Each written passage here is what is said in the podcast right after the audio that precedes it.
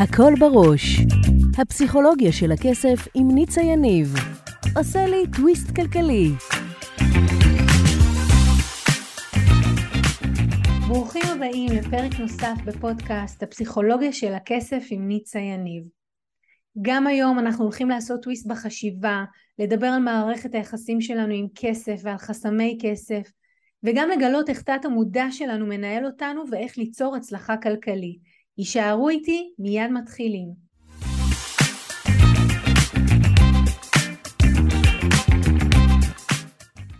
ואנחנו נתחיל עם הפינה הראשונה שלנו, אנחנו אה, נתחיל עם מה תת המודע שלנו חושף, וכמו תמיד בפינה הזאת, אנחנו הולכים לדבר על תת המודע שלנו, על איך התודעה שלנו חווה דברים ותופסת דברים, כדי שנוכל לעשות טוויסט ולהתייחס לדברים אחרת, וכתוצאה מכך גם לייצר תוצאות אחרות.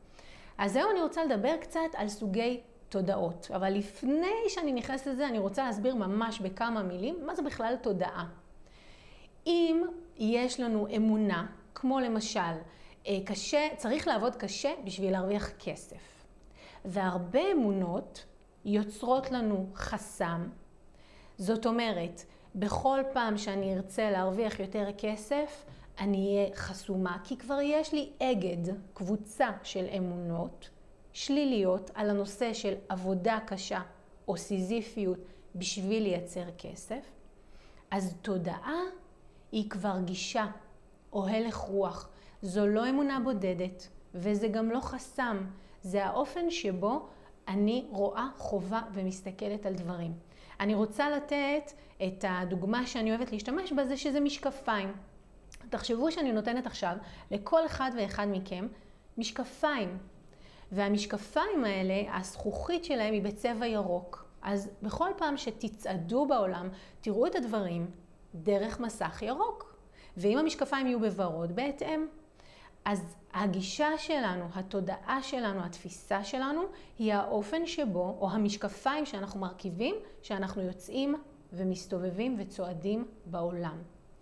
אז עכשיו בואו נדבר שנייה על סוגים שונים של תודעה. אני שומעת בעיקר אה, תודעת שפע ותודעת חסר, וזהו, אין עוד שיחה על מעבר לזה. תודעת שפע אומרת בפשטות שאני יוצאת לעולם, יש לי גישה חיובית, אני מתחברת לדברים ואומרת, אוקיי, הכל מדויק, ככה היה צריך לקרות. אם, אם אני נכשלת במשהו, אני אומרת, טוב, לא סוף העולם, מבאס, ואני יכולה גם לכעוס את זה, אבל לא סוף העולם. אני יכולה לנסות לקום ולנסות שוב. תודעת חסר אומרת משהו אחר, היא אומרת, לקחו לי, אין לי מספיק, אין לי מספיק זה אומר אין לי מספיק זמן, אני לא מספיק, אני לא עושה מספיק, כן? זה ללכת לישון בסוף היום ולהגיד לעצמי, וואי, כמה משימות היו לי היום, לא עשיתי את זה ולא עשיתי את זה ולא עשיתי את זה. זאת למשל תודעת חסר. איך יחיה, יחיה, ידבר מישהו שחי תודעת שפע, בסוף היום הוא ימנה לפני השינה את כל הדברים שהוא כן עשה, את כל הדברים שהוא כן הגיע אליהם. אז אלה שתי התודעות שבדרך כלל מתייחסים אליהם. והיום אני רוצה להביא ממש אה, עוד, אני אקרא לזה שורה שלמה של תודעות, שאני, כמי שעובדת עם אנשים כבר מעל שני עשורים על הפסיכולוגיה של הכסף, רואה וחובה, ואנשים לא מדברים עליהם. התודעה הראשונה שאני רוצה, אני, קודם אני אמנה בעצם כמה ואז אני רגע אפתח את זה. יש את תודעת חובות. אנשים שיש להם תודעת חובות ייטו להיכנס לחובות. גם אם ההורים יכסו להם את האובר בבנק, הם ייכנסו שוב לחובות. אה, ליד התודעה הזאת יש עוד תודעה שקוראים לה תודעת הלוואות.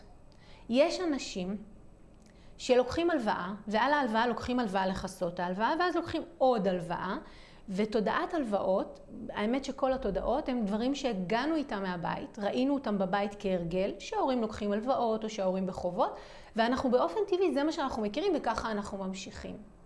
יש תודעה נוספת שקוראים לה תודעת עושר. תודעת עושר היא לא תודעת שפע, זה שתי תודעות שונות.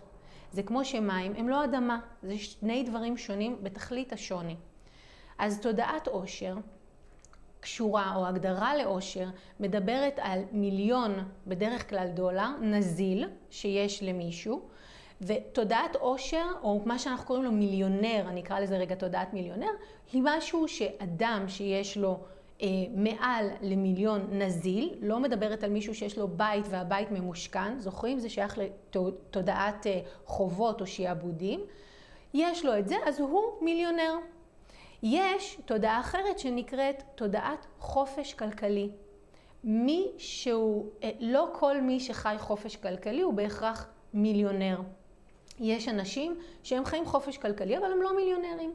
יש להם כדי צורכם לכסות את מה שהם מוציאים, והם מכניסים את מה שהם מוציאים דרך הכנסה פסיבית, ולהם יש תודעת חופש כלכלי. ולכל התודעות האלה, אני רוצה ככה, אני רוצה לראות באמת שנגעתי בכל, כל התודעות האלה, אה, כל אחד ואחד מאיתנו שהוא מסתובב בעולם, בעצם יש לו את התודעה שלו. ואחת אחת העבודות, ש, או הדברים שאני אומרת לאנשים תעשו זה, קודם כל תדייקו לעצמכם איזו תודעה יש לכם. ממה ששמעתם אותי עכשיו מסבירה. חובות, שיעבודים, הלוואות, שפע, חופש כלכלי, עושר, האם, איזה מהם יש לכם? אז זה שלב ראשון.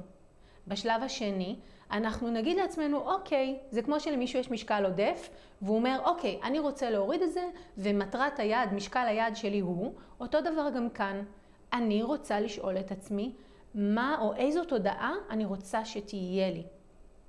והשלב השלישי יהיה שאני עכשיו עושה את הפעולות צעד צעד, ממש עקב, עקב אחר אגודל, לעשות שינוי תודעתי בתוכי לאיזו תודעה יש לי ואני מחזיקה.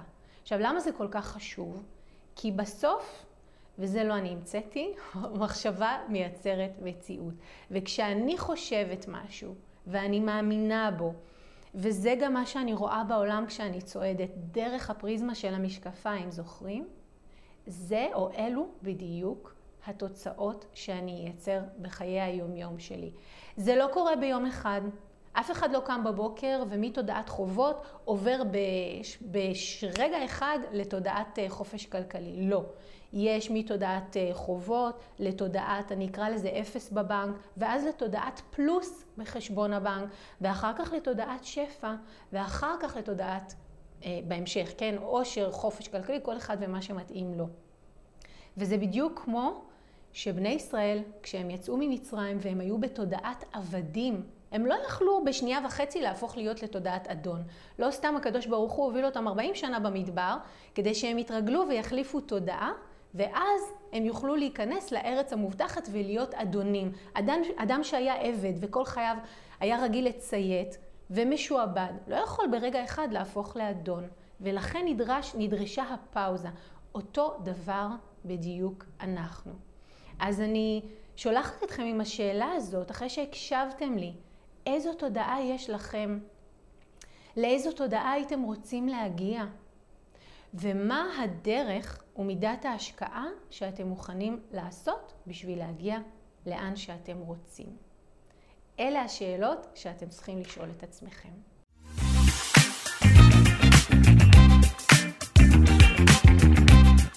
אם אהבתם את הפרק, שתפו אותי למה התחברתם, ממש מעניין אותי לשמוע. אם בא לכם ללמוד עוד על הפסיכולוגיה של הכסף, הנה המקומות שאתם יכולים להתחיל בהם. באתר nicayaniv.com תוכלו להזין לתוכנית הרדיו השבועית שלי שנקראת הכל בראש, וגם להצטרף לקבוצת הפייסבוק שלי, הפסיכולוגיה של הכסף עם ניצה יניב. אם אתם עדיין לא עוקבים אחריי בפייסבוק, באינסטגרם או ביוטיוב, זה בדיוק הזמן לעשות את זה. אלה מכם שרוצים להעמיק, אתם יכולים לפגוש אותי אחת לחודש במפגשים הקבוצתיים לאימון בלייב, או להצטרף לקורס המקיף לשחרור חסמי כסף.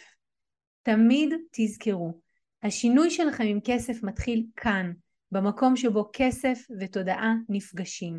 ניפגש בפרק הבא.